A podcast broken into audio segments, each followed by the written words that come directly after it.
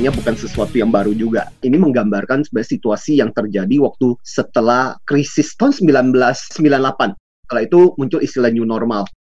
Dan sekarang istilah ini kemudian dipakai oleh University of Kansas Health System setelah kejadian di Wuhan. Ada kebiasaan-kebiasaan yang lama yang kemudian harus ditinggalkan Contohnya, mau nggak mau sekarang ini yang tadinya kita jarang banget mungkin cuci tangan, sekarang tiba-tiba semua segala sesuatu harus jadi terbiasa untuk cuci tangan misalnya. Atau misalnya masker. Terus terang, saya bukan orang yang terbiasa menggunakan masker. Karena misalnya contoh ketika kita berinteraksi, ya sakit ya berusaha untuk menjauhi aja, bukan dengan menggunakan masker.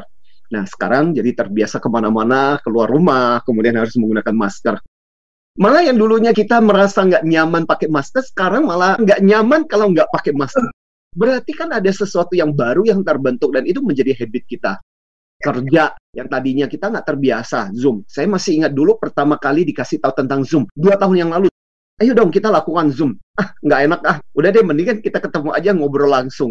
Dan akhirnya apa yang terjadi setelah dengan kondisi coronavirus itu mau nggak mau kemudian kita menjadi sangat terbiasa dengan pembelajaran online klien-klien pun mulai merasakan ternyata pembelajaran online asik juga ya. Ternyata bisa menarik juga. Ternyata bisa belajar sesuatu juga kok. Ini contoh old normal yang kemudian berganti menjadi new normal. Orang responnya macam-macam. Ada yang memang cuek, pokoknya gue masih tetap hidup. Atau yang kedua, marah karena merasa ada sesuatu yang tadinya dia bisa lakukan, tapi kemudian hilang beberapa hari yang lalu saya nonton video yang viral tentang seorang tukang jahit tiba-tiba marah ngamuk sama polisi karena polisi tutup jalan. Kan gara-gara tutup jalan orang pada nggak lalu lalang di situ. Ya, Berarti betul. ada pelanggan dong, nggak ada yang mungkin menggunakan jasa dia. Dan saking keselnya kemudian dia marah-marah, wah semua penutup jalannya dibuka sampai ya. akhirnya digelandang dibawa ke kantor polisi. Di situ sampai nangis-nangis. Ini contoh orang respon, orang marah dengan sesuatu yang baru. Nah, Betul. ada juga yang ketiga, yaitu orang yang bingung. Kan kita nggak pernah mempersiapkan. Saya bilang memang siapa yang siap coba. Katakanlah misalnya contoh ada peramal yang luar biasa yang kemudian mewanti-wanti dan kasih tahu, pasti nggak akan ada yang percaya. Eh kalian tahu nggak, tiga bulan seluruh dunia orang bakal dikurung. Ah mana mungkin orang nggak akan percaya dengan situasi ini. Makanya kebingungan terjadi. Tapi ada juga yang wait and see. Ini hmm. respon keempat Ya sudah memang situasinya seperti itu, tuntutannya seperti itu, dengan cepat kemudian dia bisa balik arah, kemudian bisa menyesuaikan dengan situasi, dengan arus yang terjadi. Gini, saya membaca kembali berbagai artikel-artikel zaman dulu. Salah satunya yang saya terkesan adalah tulisan-tulisan tentang berbagai bisnis yang bertumbuh setelah Great Depression yang terjadi tahun 1929 sampai 1939, 10 tahun. Dan itu masa krisis dunia yang paling parah Makanya dikatakan bahwa wabah sekarang ini setara dengan Great Depression. Tapi yang menarik adalah data-data yang dibuat oleh Boston Consulting membuktikan bahwa justru kayak misalnya IBM itu bertumbuh setelah masa krisis itu.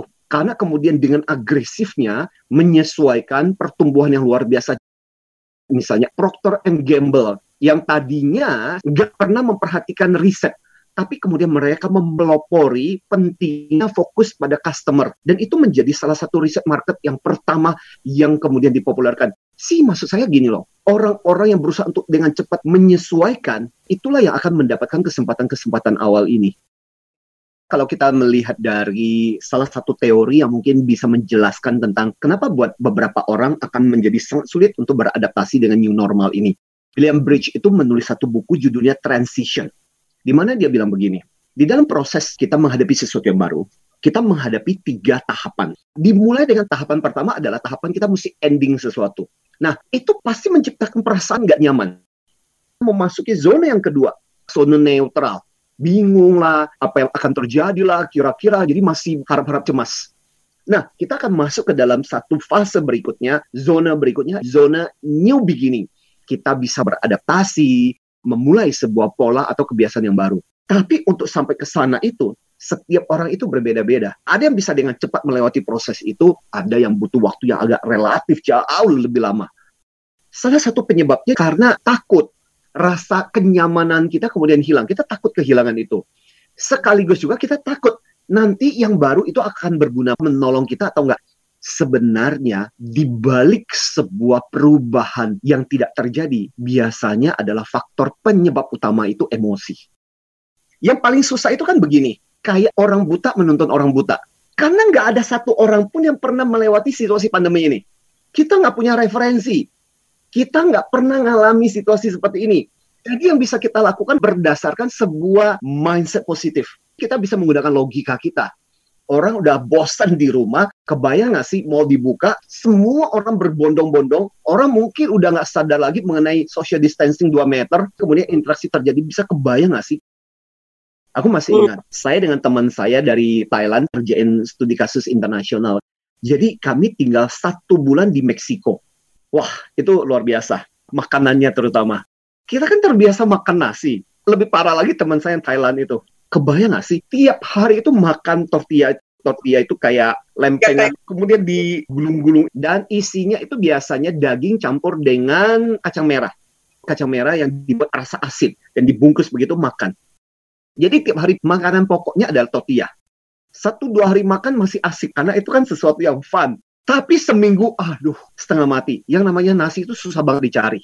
Kita mesti pergi ke restoran bagus, restoran Jepang atau restoran Chinese. Tapi memasuki minggu yang kedua, kita udah mulai terbiasa. Nah ini contoh bahwa itulah yang kemudian akan kita alami juga. Balik lagi, unsur perubahan yang utama terletak pada perasaan. Otak Anda mengatakan A, tapi hati dan perasaan Anda mengatakan B. Dan itu yang kadang-kadang membuat kita sulit untuk berubah. Dan itu sangat dipengaruhi oleh apa? Satu, pengalaman kita. Kalau dalam kehidupan kita, kita sudah terbiasa melakukan perubahan, maka kemungkinan besar buat kita untuk menyesuaikan dengan hal yang baru, biasanya juga nggak akan terlalu sulit. Atau yang kedua, rasa sakitnya semakin besar rasa sakit kita gara-gara nggak berubah, ya semakin besar membuat kita akan berubah. Tapi kalau tidak ada rasa sakit yang membuat kita, kenapa saya harus berubah? Baik-baik aja kok. Maka kita juga nggak akan berubah. Saya ingat dengan cerita tentang seekor anjing yang merengek kesakitan, pemiliknya. Kemudian ditanya, itu anjing kenapa sih terus-menerus merengek kesakitan? Oh, dia duduk di atas paku. Terus kenapa dia nggak pergi aja daripada merengek kesakitan? Dan jawabnya adalah karena rasa sakit itu belum cukup kuat membuat dia untuk berubah. Ya. Okay. Atau karena gini, ada yang namanya basal ganglia. Di mana otak ini membuat kita terbiasa untuk melakukan sesuatu. Kalau udah terbiasa, ini otak maunya yang nyaman-nyaman, malas untuk berubah. Nah, jadi kadang-kadang malas itu bukan cuma perasaan kita, otak kita pun malas untuk membuat sesuatu yang baru. Maka kadang-kadang itu harus dipaksa. Karena kita punya satu bagian yang Tuhan kasih kepada kita namanya basal ganglia habit, pola terbentuk di situ. Obrolan kita akan beralih kenapa kita menggunakan istilah new normal EQ. Jadi percayalah, setelah kita melewati masa pandemi ini, ada sebuah pembelajaran buat kita yang berhubungan dengan emosi. Anda sadar atau nggak sadar, percaya atau nggak percaya dengan apa yang Anda alami, tapi itu terjadi. Itu kita alami saat ini. Kita jadi belajar untuk bertoleransi terhadap perubahan. Mau kamu terima atau nggak terima, Nih, keluar peraturan PSBB. Mak yang tadinya ngirim anaknya ke sekolah tiba-tiba harus mengajari anaknya di rumah.